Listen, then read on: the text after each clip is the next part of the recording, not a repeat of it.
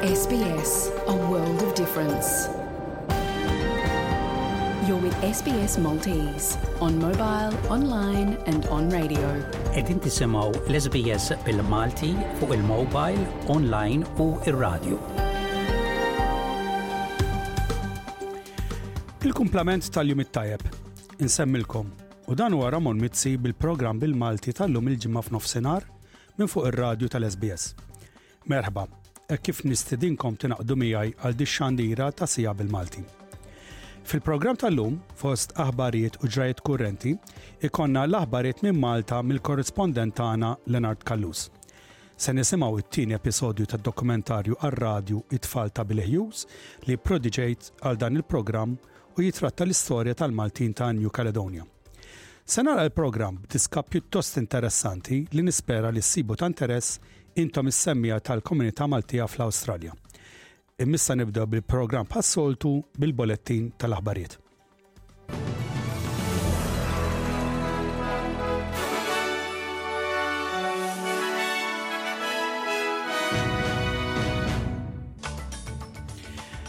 F'dan il-bolettin, Philip Lowe se jiġi sostitwit bħala l-Kap tal-Bank tar-Riżerva. Hollywood se jħares lejn l-akbar għeluq fl-erba' diċenni hekk kif l-atturi jingħaqdu fl-istrajk tal-kittieba. U fil-futbol, il-kowċ tal-Matildas se jħabbar il-formazzjoni tat-tim tan-nisa għat-Tazza tad-Dinja li se tibda f'inqas minn ġimgħa.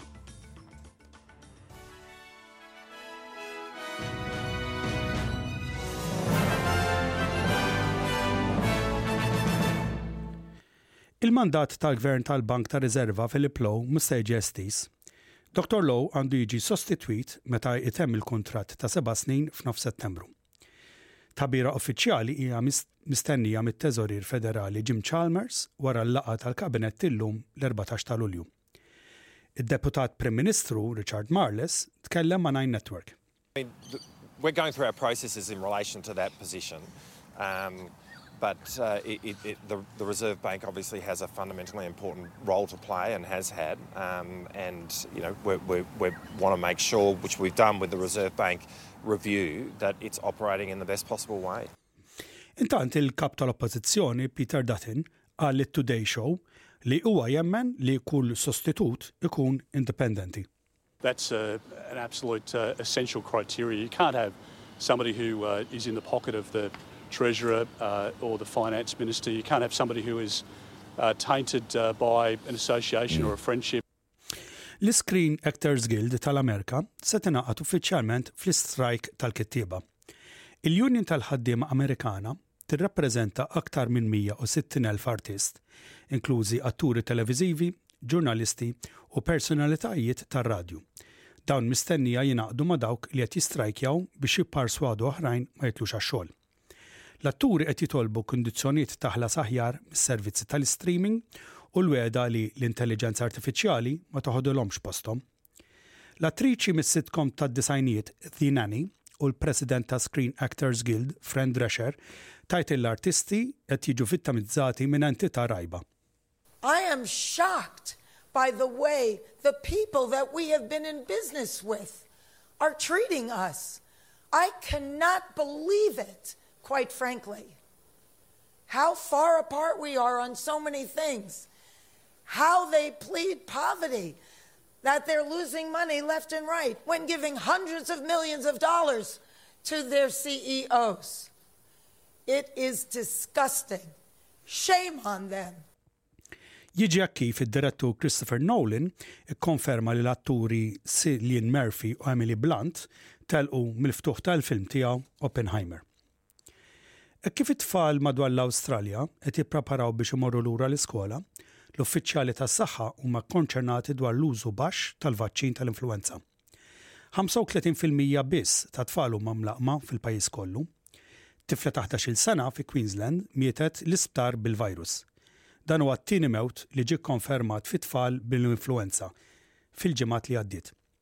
Id-Direttur taċ-Ċentru Nazzjonali għall-Immunizzazzjoni, Riċerka u Sorveljanza, il-pedjatra u professur Christine McCartney, qalet lis-Seven Network li din il-verżjoni tal-influwenza qiegħda tikkawża mard serju.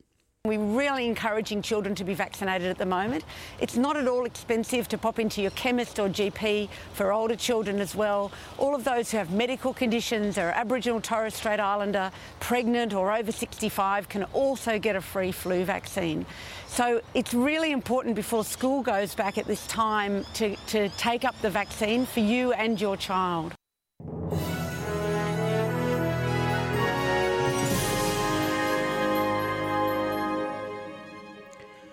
Naddu għal futbol.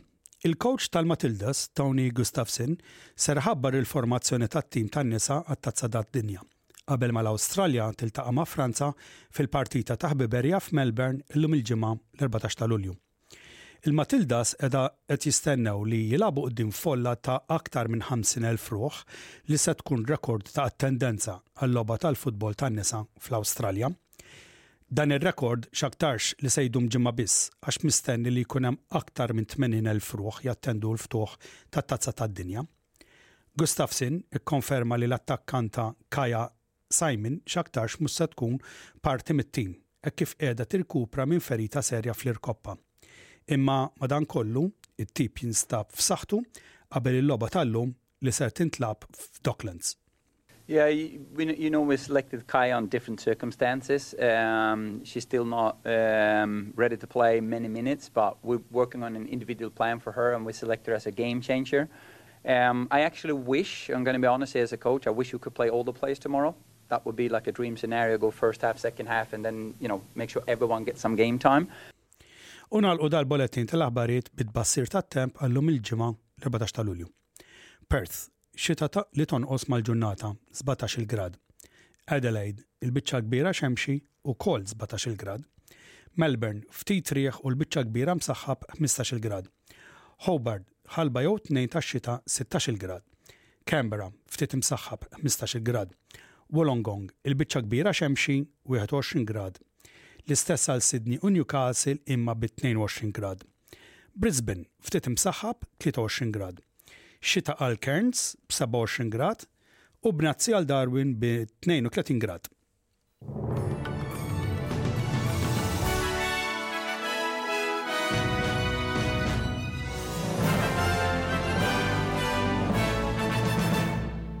Dawk kienu l-bolettin tal-aħbarijiet miġbura mis-sorsi tal-SBS. U issa ngħaddu għar-rapport mill-Kamra tal-Aħbarijiet tal-SBS. Illum għandna storja ta' kif stilista tal-moda li emigrat mill-Bolivja għall-Awstralja saret stilla fid-dinja tal-moda mondjali permezz ta' borża ta' studju li hija rebħet.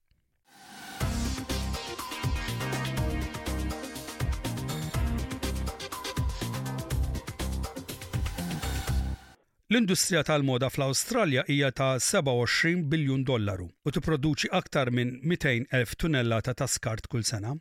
Xi diżinjaturi żgħażagħ qegħdin jaħdmu biex din il-prassi tinbidel, inkluż l-istilista li qiegħda tikber fil-fama f'dan il-qasam.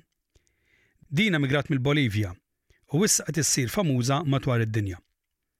Sofia Abel ta' 20 sena, li rebħet il-borża ta' studju Carla Zampatti, diġà bdiet tbigħ id-diżinji tagħha kemm hawn kif ukoll fis-swieq internazzjonali ewlenin.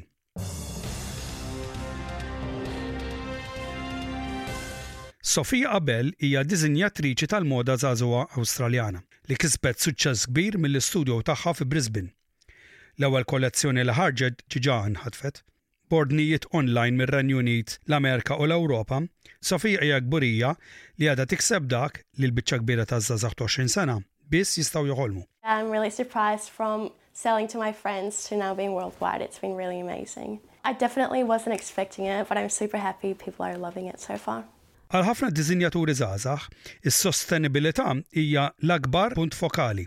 Huwa suġġett jaħraq fl-industrija tal-moda peress li l-industrija tiġġenera aktar minn 200,000 tunellata ta' skart fis-sena. Sofia għadha taħdem biex tnaqqas dal-iskart mill-proċess tal-produzzjoni tagħha. We actually get all of our garments cut strategically so that decreases the wastage of the fabric. A lot of our garments are made to order so we only produce what's needed. Sofia migrat mal-familja tagħha mill-Bolivja meta kienet tifla ta' tmien snin.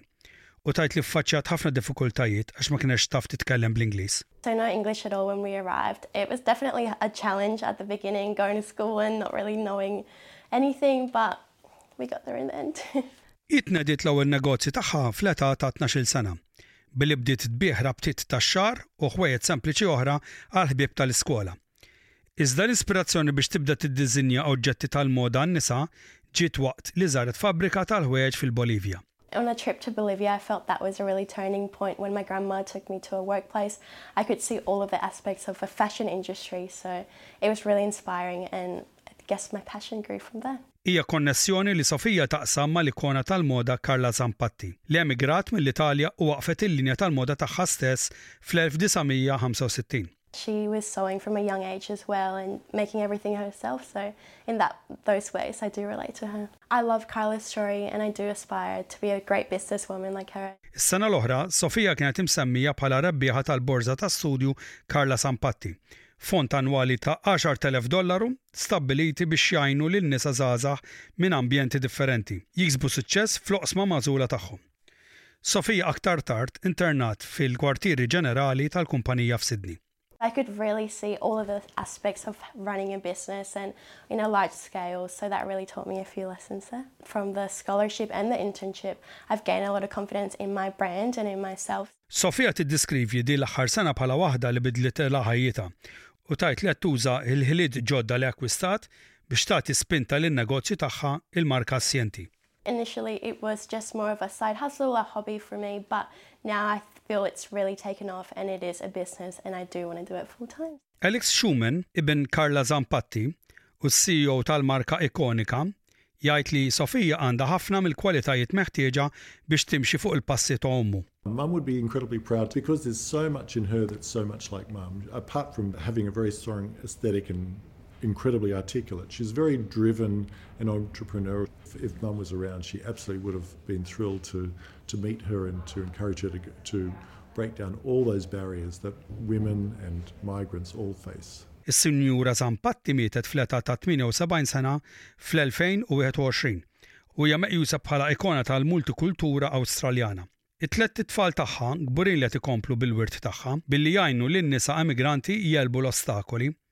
Is-Sur Schuman jispjega. My sisters and I as a family mission supporting the empowerment of women is just incredibly important to us, particularly migrant women because we we know how much hardship and how much adversity they have to overcome.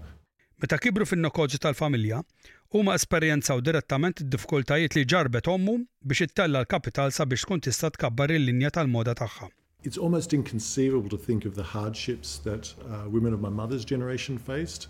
She established her business in 1965. Banking just didn't lend to women, least of all divorced women with a newborn child, and particularly also not for the fashion industry or the rag trade, it was called back then. It It was just ten years later that she won the first Australian Business Woman of the Year award and I think that was really the thing that put her on the map. It was, it was also her proudest achievement. Aktar minn erba' deċenni wara, Carla Zampatti tibqa' minn ta' quddiem fl-industrija tal-moda Awstraljana u hija waħda mill-ftit negozji tal-familja li għadhom jimmanifatturaw lokalment.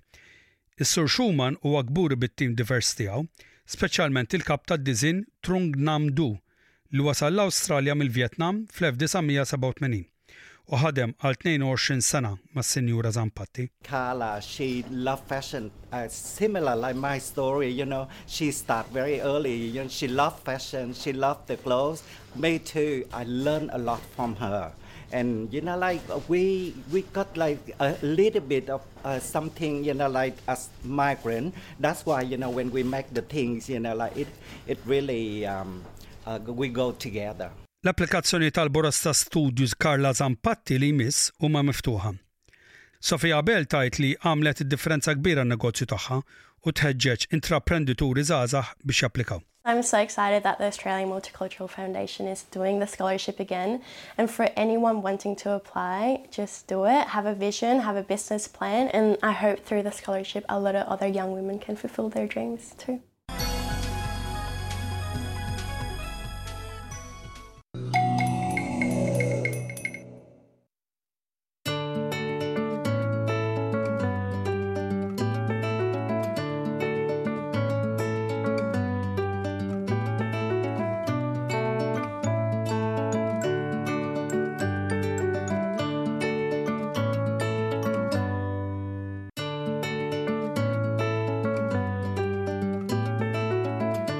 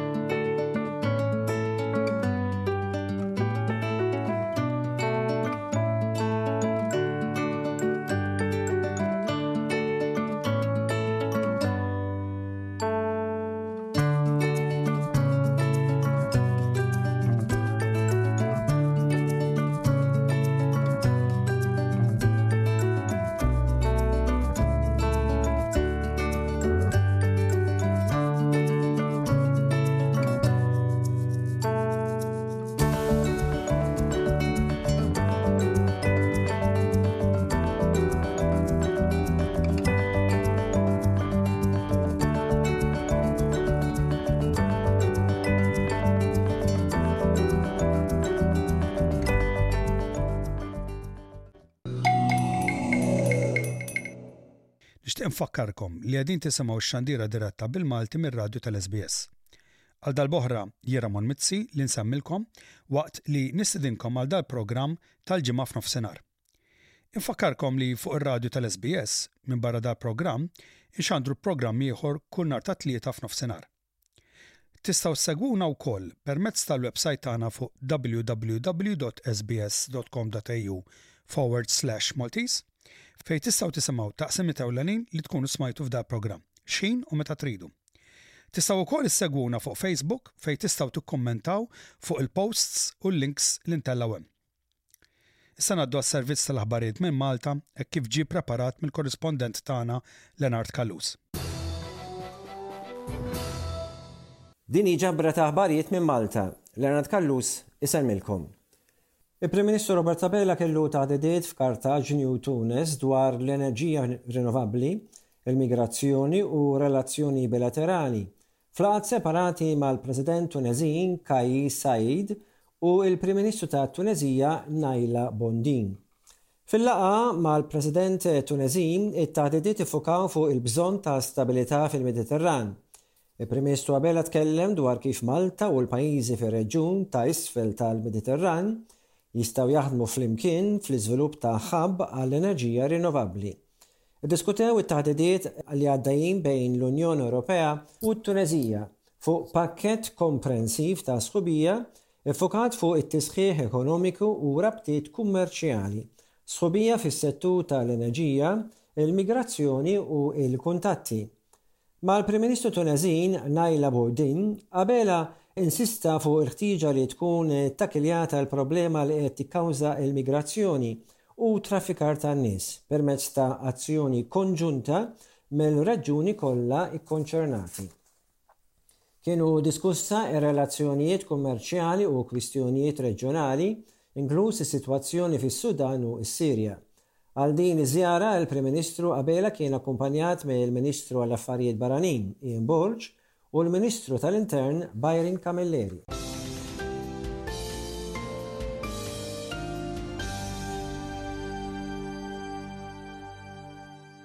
Il-Prim Ministru jinsab iżolat għaliex qed jibqa' jinsisti li ma ssirx inkjesta pubblika dwar il-mewt traġika taż-żagħżugħ Jean Paul Sofia. Meta miet wara li ġarraf bini li kien għadu qed jinbena f'Kordin is-sena l-oħra. Dan qalu il-Kap tal-Oppożizzjoni Bernard Grech f'intervista fuq ir-radju Net FM. Qal, Abela għandu qalbu iebsa u għandu jgħid x'qed iżommu li jingħaqad mal-bqija tal-pajjiż biex issir inkjesta pubblika. Iktar ma jibqa' stinat li din ma ssirx iktar wieħed jikkonvinċi ruħu li l-Prim Ministru qed jaħbi xi ħaġa. Kien żvelat fil-midja u fil-Parlament waqt dibattitu dwar il-każ kif art tal-Gvern kienet qed tinbena f'fabbrika privata kienet mikrija lil allegat traffikant ta' klandestini Kurt Farrugia. Il-Kap tal-Oppożizzjoni Grech qal li deputati tal-Oppożizzjoni diġà staqsew dwar il-mod Kif din l-art f'Kordin inkriet lil nies b'passat dubjuż? Qal il-Prim Ministru qed ikompli jsabbat saqar. Sostna ma jistax jinsa l-immaġini ta' kif aġixxa l-Prim Ministru fil-Parlament waqt dibattitu fl-aħħar jiem. Isabbat idejh fuq il-mejda jinsisti kontra li ssir inkjesta pubblika. Grech qal li l-għaqda nazzjonali hija opportunità biex wieħed jieqaf għat-tiranija tal-cowboys. Qal iżda li waqt li l-Partit Nazzjonalista din il-ġimgħa se jivvota favur inkjesta pubblika, il-Prim Ministru Abela se jkompli jiddefendi dawk li huma iktar importanti mit-tfal u n-nazzjon Malti. Intant 'il fuq minn tnax-il elf persuna ffirmaw petizzjoni biex il-Membri Parlamentari jivvutaw favur l-inkjesta pubblika fil-każ ta' Jean Paul Sofia. Tkellem ukoll dwar is-sens ta' suffikazzjoni u l-iffullar li ħafna nies qed jesperjenzjaw f'Malta. Dan japplika, qal il-Kap tal-Oppożizzjoni, għal bajjiet, sptarijiet u trasport pubbliku, fost oħrajn, u ħeġġeġ lil dawk li kienu qed jisimgħuh Kemm is-sitwazzjoni tista' tmur għall-agħar fi żmien ftit snin jekk il-Gvern iżomm dan il-mudell ekonomiku ta' bħalissa. Il-pajjiż jeħtieġlu iżda wkoll bżonn direzzjoni ekonomika aħjar, ibbażata fuq il-kwalità milli żieda fil-popolazzjoni kif qed jagħmel il-Gvern t'Abela. Grech qal li waqt li n-nies qed iħossuhom fgati u pajjiż iffullat bin-nies, Oħrajn jitilqu fuq id-dgħajjes tagħhom għal Sqallija, jirreferi għall-Prim Ministru Abela mingħajr ma isemmi ismu.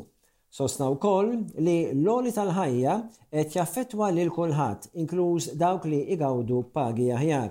Grech qal li l-istess Prim Ministru li ma weriex empatija ma' omm iż-żagħżugħ Jean Paul Sofia mhux se juri empatija ma' dawk affettwati miż-żieda fl-għoli tal-ħajja.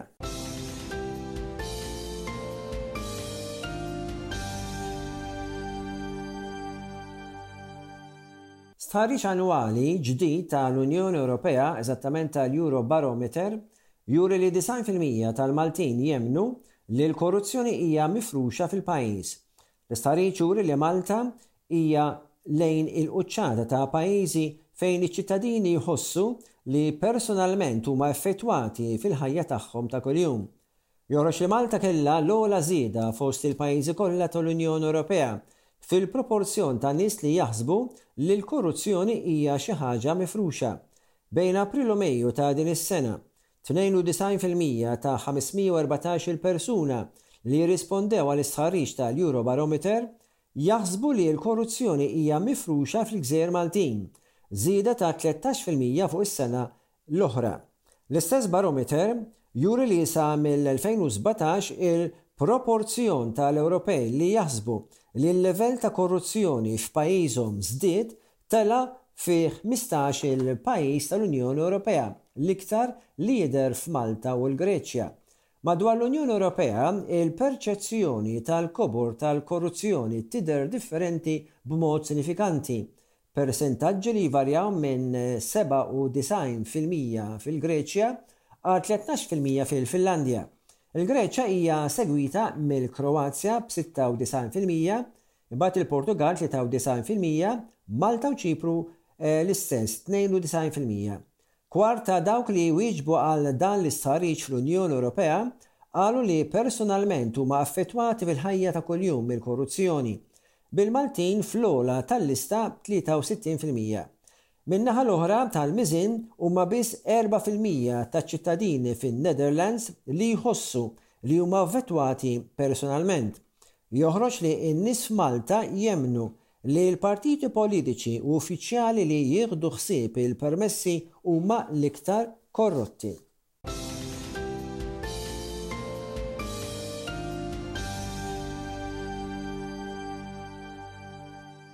Statistika maħruġa mill-Uffiċċju Nazzjonali tal-Istatistika, l-NSO, Tistma li t-total tal-popolazzjoni fi gżejjer Maltin sa tmiem is-sena 2022 kienet taqbeż il-542,000, żieda ta' 4.2 fil-mija meta imqabbel mas-sena 2021. F'pubblikazzjoni intitolata Biex tfakkar il-Jum Dinji tal-Popolazzjoni tal-NSO issostni li ż-żieda fil-popolazzjoni s-sena l-oħra kienet xprunata minn migrazzjoni netta totali ta' 21,798 persuna. Persuni ġejjin mit-Tielet Dinja kienu jagħmlu 83.1 fil-mija tat-total ta' l-immigranti totali s-sena l-oħra ta' dan in-numru. 65.8 fil-mija li ġew Malta kienu rġiel, waqt li kważi 53 fil-mija tar-residenti totali fi tmiem is-sena l-oħra huma rġiel. Analiżi tal-popolazzjoni attwali f'Malta hija persuni ta' tmintax-il sena jagħmlu ħmistax punt wieħed fil-mija tal-popolazzjoni f'Malta, tmintax punt sitta fil-mija ta' età 'l fuq minn ħamsa u sittin sena li minn dawn elfejn erbgħa mija u ħmistax huma nisa, disa' mija u tmenin huma rġiel li għandhom disgħin sena jew iktar. L-analiżi juri wkoll li r-rata ta' twelid f'Malta naqset bi tnejn fil-mija, waqt li r-rata ta' mortalità, jiġifieri imwiet, tela' b'wieħed punt sitta fil-mija.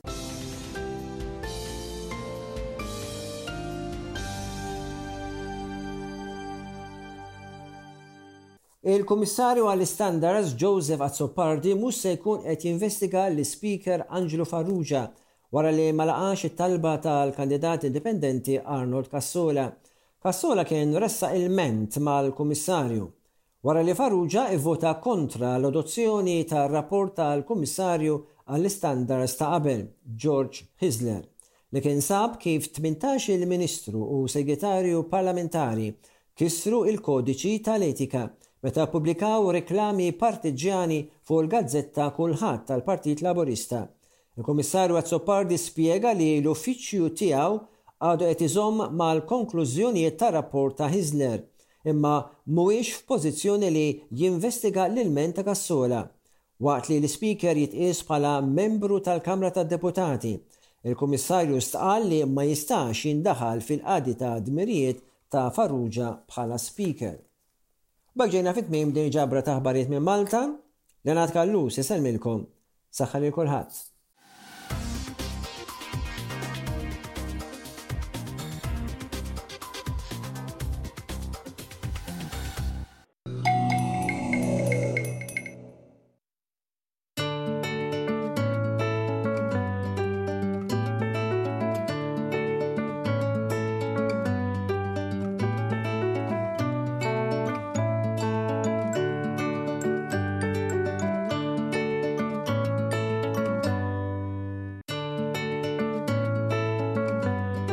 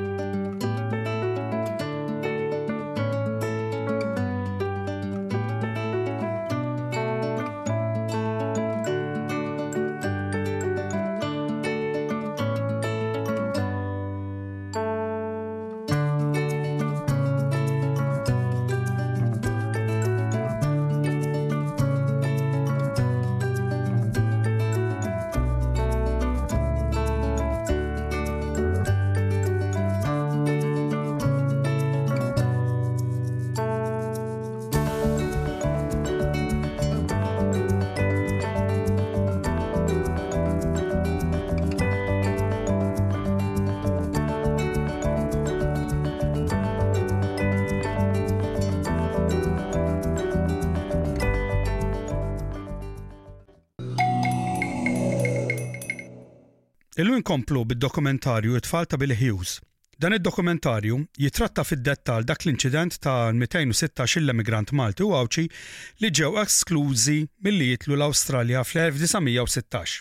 F'dan l-episodju se naraw kif l-esklużjoni mill-Awstralja ssir legali u r-riperkassjonijiet li din iġġib magħha.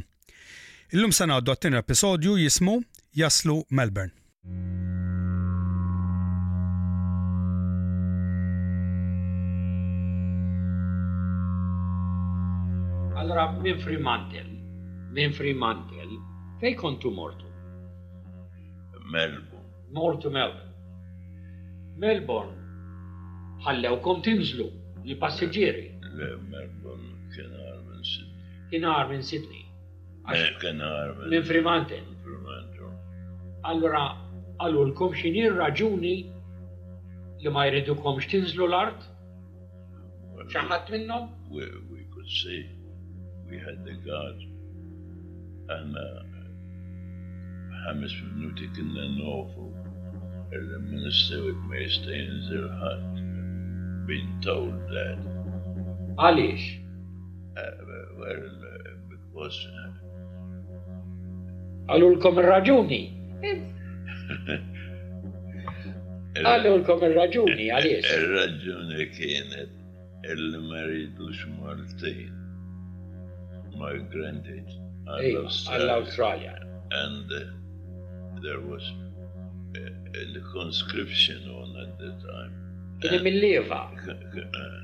Liema u ħasbu ħażin l-għaliex there was propaganda.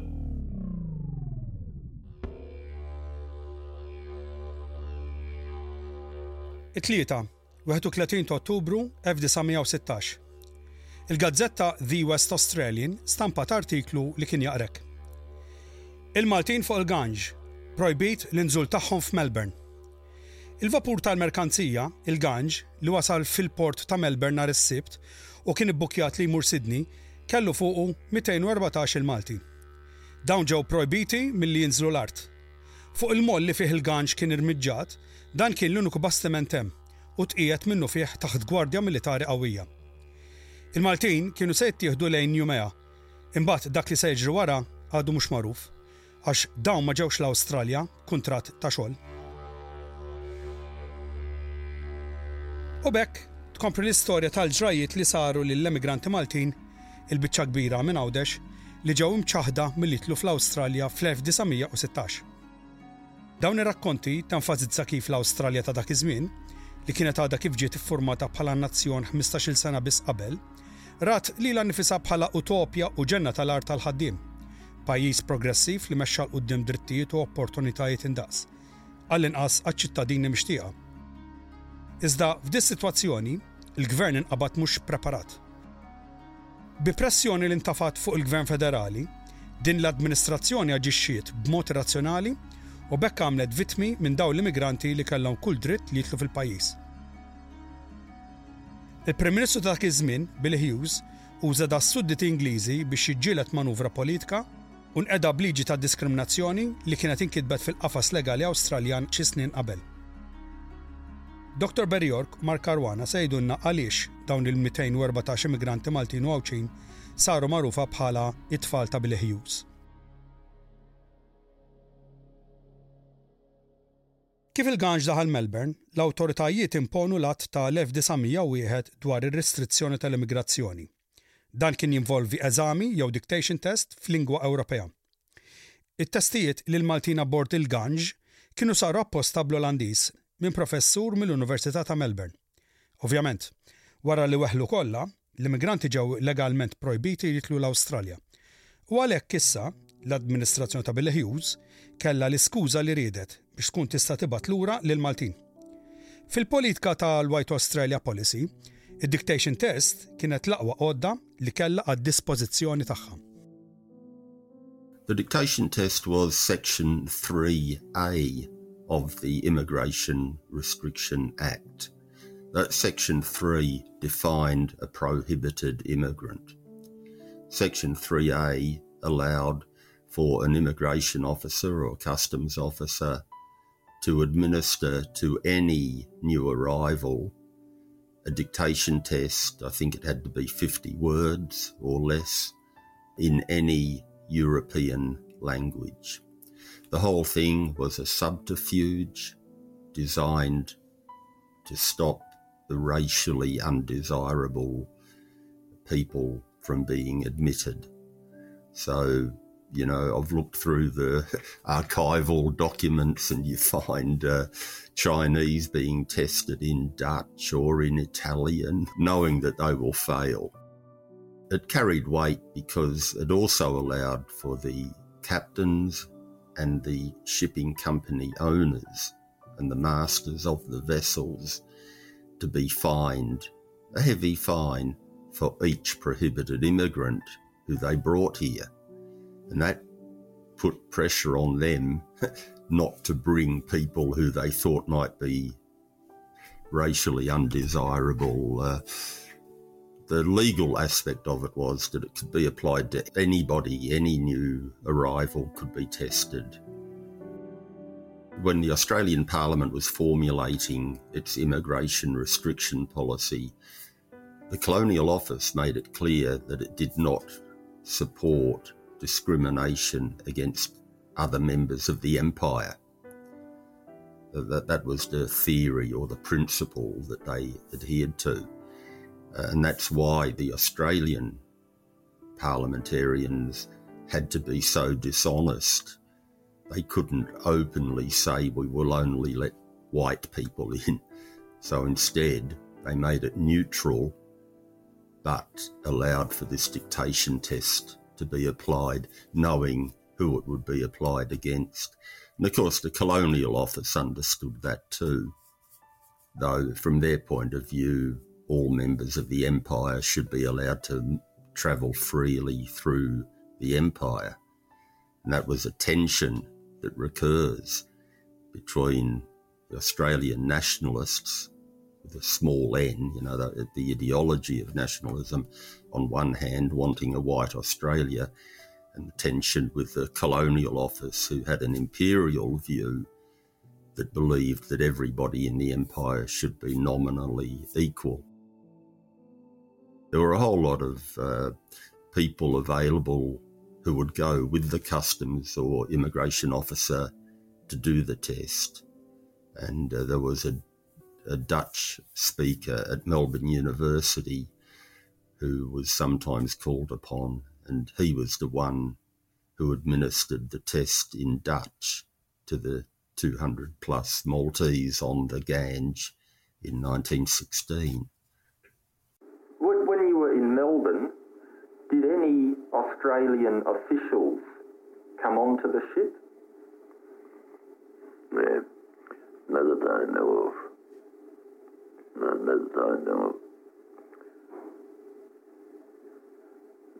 they didn't come to the ship first time in Sydney, as far as I know either, but the second time they did, when the, when the final say was said. Did, did anybody give you a, a test of any kind, an examination in Melbourne? attending there was an examination order. Doctor Barry York kien tkellem ma' Emmanuel Attard f'Adelaide fl-1989. Għalkemm il-kwalità ta' dan it-tape reel mhux tajjeb, Emmanuel Attard jistqarr biċ-ċar li ma jiftakarx li telgħu xi uffiċjali fuq il-Gange meta kienu f'Melbourne, u ma jiftakarx li għamel xi dictation test lanqas. The fact that he didn't remember it made me wonder how was it administered. And I have a feeling this is speculation, that it wasn't tested individually against all the 200 plus on, on the Gange. Logistically, that would have been problematic anyway. It would have been difficult to to do that, to take each of 200 people on a ship and give them a separate dictation test each. So that remains a puzzle. Kem kontu kollox hemmhekk? U dawna naturalment kienu emigranti Maltin u Għawdxin. Maltin u Għawdxin, iva, però għamlu xi eżami kif kienu ġew selected? Le mingħajr eżami ma tħallasx il-passaġġ. Tħallas il-passaġġ? Meta ġie. U anke f'din l-intervista li għamel Mark Caruana ma' Celeste Bajada, f'Jannar tal-1983, Celeste ma jiftakarx li għamel xi eżami. Infatti dan ħaseb li ġie mistoqsi jekk kienx għamel eżami qabel ma kellu jiġi l-Awstralja. Imma ejja nirraġunawha naqra din. Jekk ħafna ma kinux jifhmu bl-Ingliż, kif setgħu jifhmu l-instruzzjonijiet li tawhom dakinhar? Well eżatt x'ġara ma nafx imma nimmaġina jiena naf skont id-dokumenti li qabdu professur tal-lingwa Olandiża. Dan naturalment eh, kellimhom bl-Olandiż u saqsihom jekk xi ħadd hux kapaċi jittraduċi u jifhem, u naturalment da kollha waħlu. Ma nafsibx li għaddu bil-qeda fuq mejda u jikdbu kaltek ta' nafseb li kienet verbalment. Allura, Dr. Berjork u Mark Caruana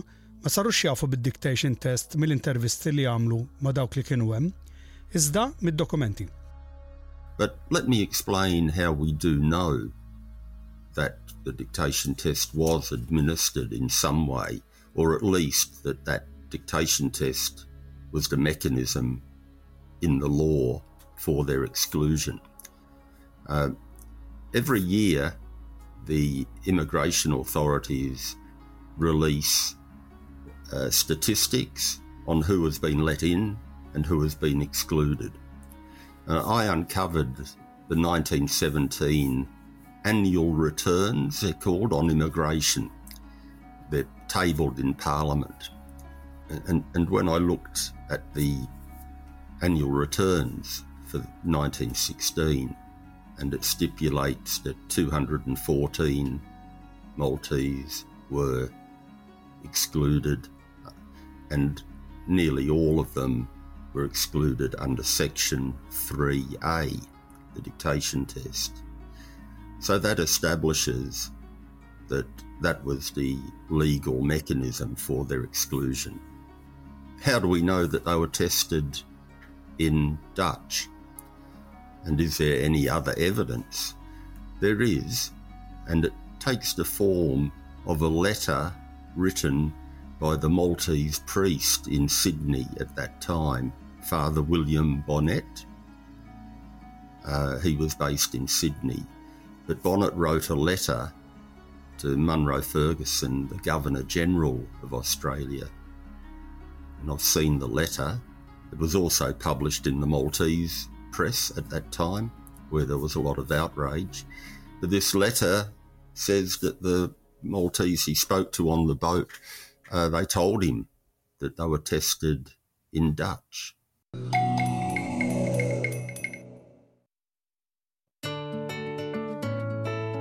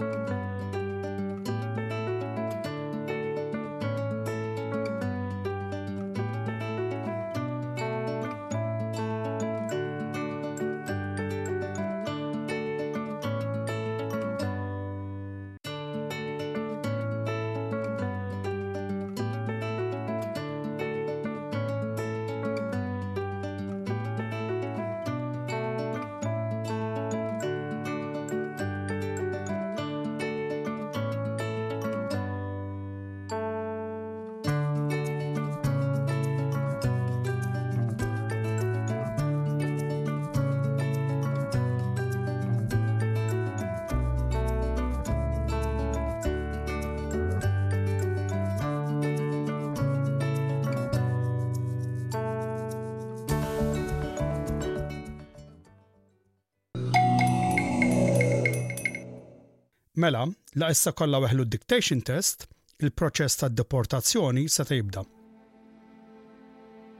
Iżda kien hemm problema.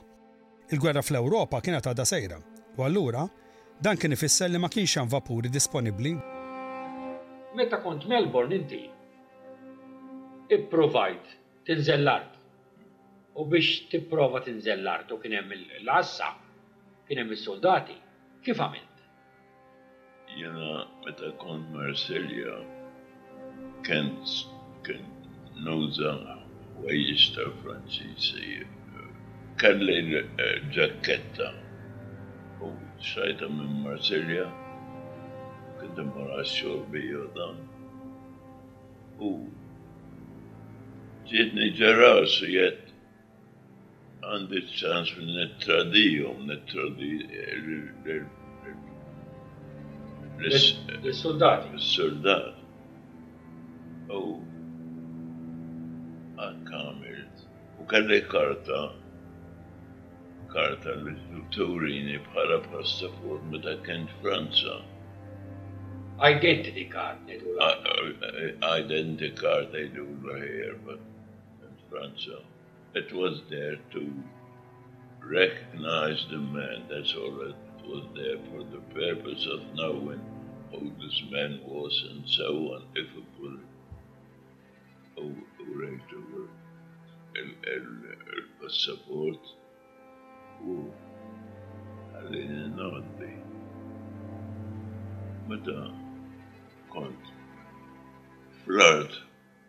Il-Malti, kollha biċċa minnhom Romani, mqabbda jgħajtu li jiena skappajtha u ra ħellaħ jgħaddi u l-oħrajn irressjaw għal fuq dak il-ġenb fejn kont nieżel jien. Allura l-ċentri tal-art.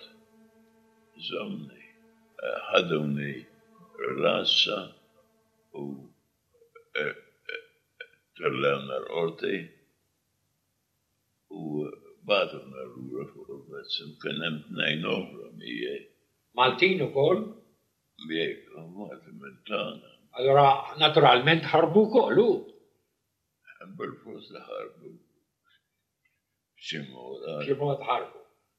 Il-Maġistrat x'għamlilkom reġa' bagħatkom abbord? Minn hemmhekk, minn Melbourne, fejn mortu? Sydney. Mortu Sydney. U meta wasaltu Sydney, x'leqgħa kellkom hemm? Mela, stenna Sydney. Kinna nafu li m'għandna x'ninżlu u ma dumnax minn dweh hemm Liverpool. Kif qal tajjeb hawn Emanuel Attard lil Frank Falzon f'intervista f'Adelaide fl-1989, Malli daħlu f'Sydney daw il-214, ma tħallewx jinżlu l-art għax dawn issa kienu meqjusa bħala migranti illegali. Barra x'hemm Sonna Sidney, ġibilna s-sentinella tas-suldati biex ma ninżlux. U kif tmur, allura jiena kellha fl-Iskont ta' Farakazzju, xorb. Hekk qal missieri. Ġibtu minn Malta? Minn Malta. Allura, u rajt is-suldati, ix-xieħ ġej, miskin, bil-boroż,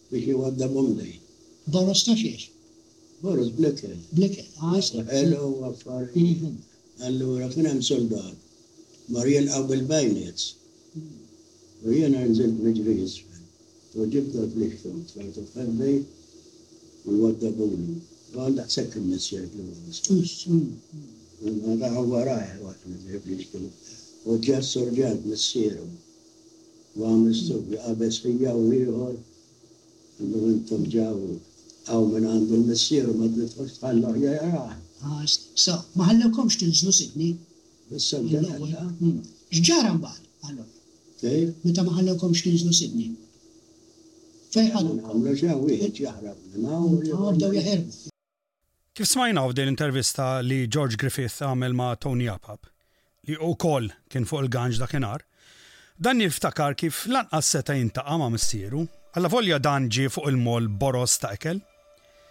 Tony kien ġablu frixkun tax-xorb minn Malta u meta ra li ma setax jinżemm fuq il-vapur, tefaħħulu u għal naqra ma qabdux. Ma qabdux!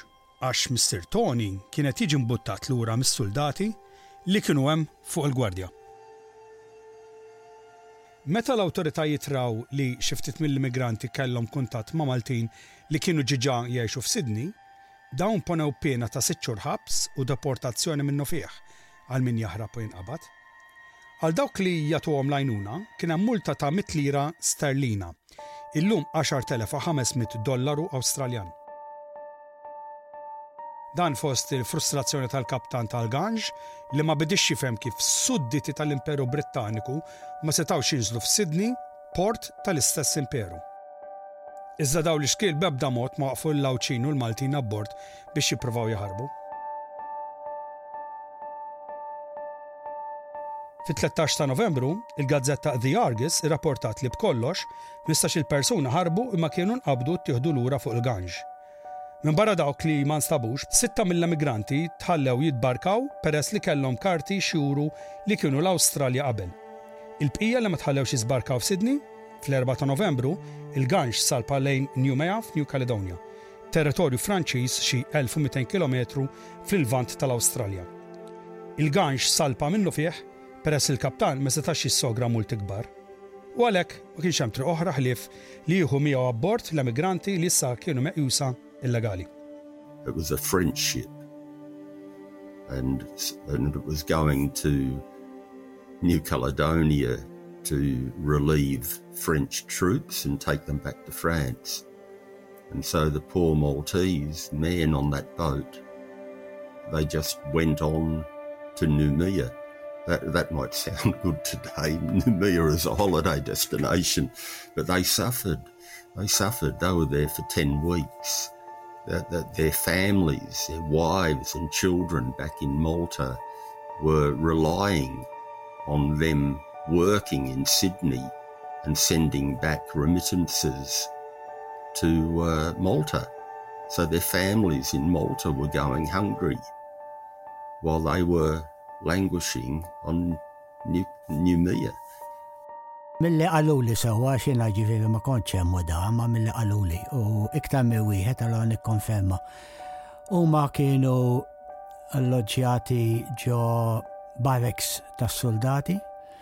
kellhom l-imtieraħ mal-art bħala sodod, kienu liberi imorru fej iridu ma kellhom x'qassa jew pulizija jew hekk, kellhom kokijiet isajrulhom u kienu hemm sakemm dil-biċċa titranġa. Batom New Caledonia biex ma, biex ma jagħtux fil-għajn u l-gvern jidher li speċi il-problema solvit. I think it was the first such refusal of disembarkation in the Federation period after 1901 when Australia became a federated nation probably the first. I know of no previous ones. But I can't think of others until more recent times when we've had uh, asylum seekers arriving here by boat and the various governments of both complexions having the policy of not allowing them to uh, to seek uh, refugee status or to be settled here.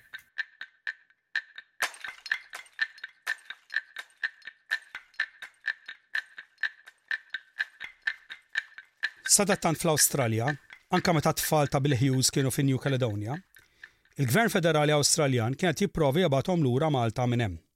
Iżda, il-problema ta' nuqqas ta' bastimenti kienet ir-realtà krudili. Bastiment tal-Imperu Brittaniku ma kellhomx post għall-immigranti ddeportati u bastimenti Franċiżi kienu qed jintlew b'suldati Franċiżi. Barra minn hekk, il-Gvern Imperjalista ma qabilx mad-deportazzjoni u kien qed jipprova jsib mezzi kif il-Gvern Awstraljan jaċċetta dawn il-Maltin. Intant, ir-referendum ta' Billy Hughes kien intilef u allura l-argument li l-Maltin jiġu użati bħala arma kontra l-lieva ma baqax validu. Anke li r-referendum intilef, Il-Gvern kellu jbaxxi rasu għall-kliem tal-poplu. U għalhekk issa ma kien hemm ebda periklu li jħallu lil dal-Maltin jiżbarkaw. Barra minn hekk, l-Anzacs, li kienu qed jirritornaw lura minn Gallipoli u minn battalji oħra, sabu li Malta kienet gżira li tagħthom kenn waqt li kienu midruba.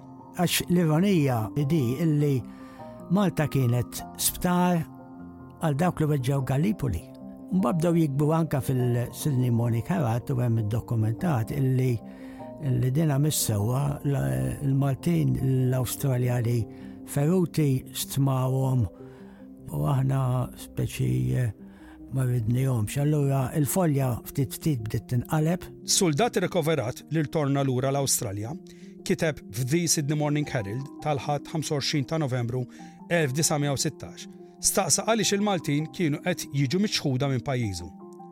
Mhumiex huma wkoll sudditi Brittaniċi? Mhumiex huma bojod? Fil-mument preżenti jissejħu lilhom nfushom Awstraljani, qal. L-aktar rakkont ta' tqanqil ġie minn uffiċjal midrub li kiteb f'The Sydney Morning Herald dwar it-tjubija, l-ospitalità, il-kordjalità u l-qalb kbira tal-Maltin u li jekk li tagħmel għemejjel tajbin ifisser il-ħażna ta' teżor etern, allura tabilħaqq Malta hija komunità ta' miljunarji spiritwali.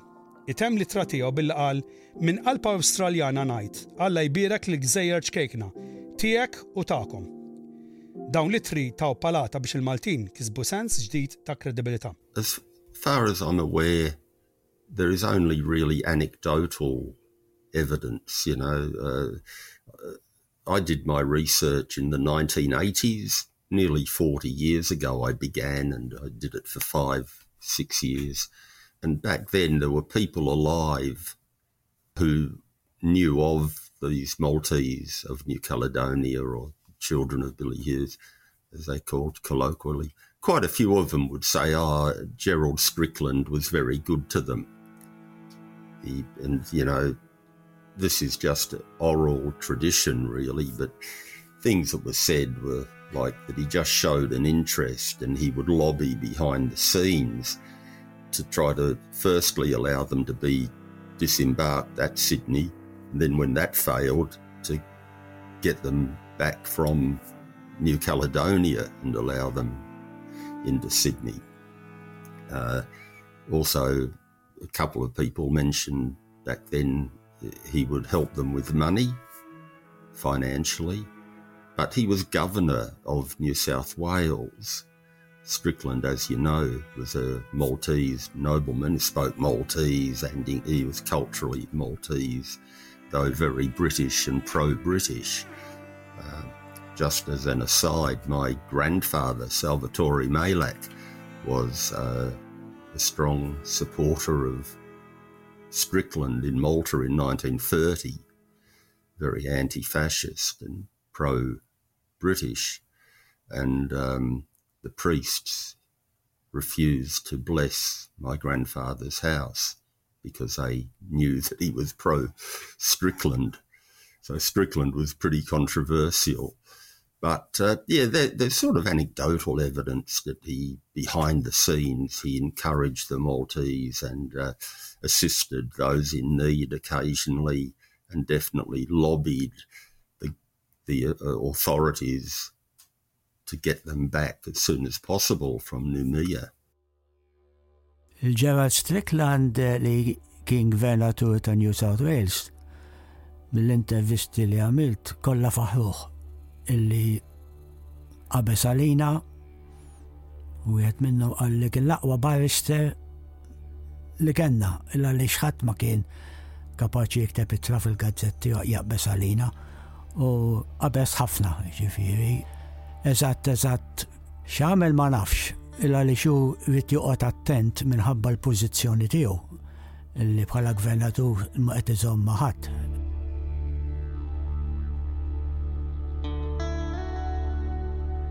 Wara xahar ġimgħat fi New Caledonia, il-Prim Ministru Hughes ma kellu ebda għażla ħlief li jirranġa biex iġib lill-Maltin lura fl-Awstralja. L-ispiża ta' din it-traġedja krudili sswiet lill-Gvern Awstraljan 2,332 lira li llum isarrfu għal madwar 230,000 dollaru Awstraljan. Fl-episodju li jmiss se naraw x'jiġri mill-Maltin meta jaslu f'Sydney, u kif jirnexxielhom jidħlu l-Awstralja.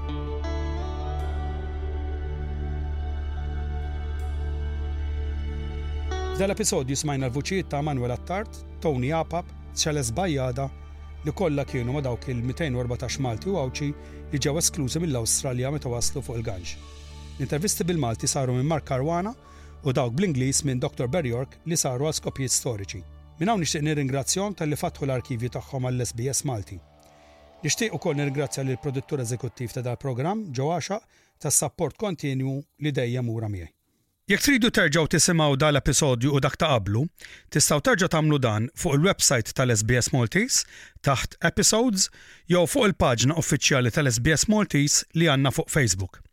Jekk għadkom mhux issegwu din il-paġna, nispera li dad-dokumentarju jkun inċentiv tajjeb biex tibdew. U b'hekk niġu għall-aħħar tal-programm tal-lum.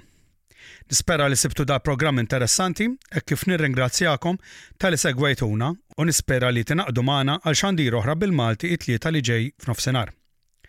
Illum se nagħlaq b'diska leġġendarja Maltija li ħarġet fis-sebgħinijiet. Hija miktuba minn Paul Abela b'lirika poetika ta' Alfred C. Sant. Din immortalizzat lil band New Quarry u lil Sammy Bartolo. Naħseb li bħalissa tafu għal liem diska qed nirreferi, dik ta' L-Aħħar Bidwi f'Wied il-Għasel. Din id-diska saret kemm-il darba minn diversi artisti, imma l-verżjoni li se ndoqqilkom illum hija tal-kantant Taljan ċelebri Claudo Baglione li ser jinterpreta bil-Malti. Barlione rnexxielu jaqbad is-sentiment tad-diska, u anke stqarr li kien impressjonat immens bis-seħer etniċità tal-melodija hekk Mediterranja. Huwa ħass li kellu jżomm id-diska bil-Malti għax il-lingwa tikkomplementa lill-mużika. Insomma, isimgħu għalikom intom. Insemmilkom ir-radju tal-SBS, saħħiet!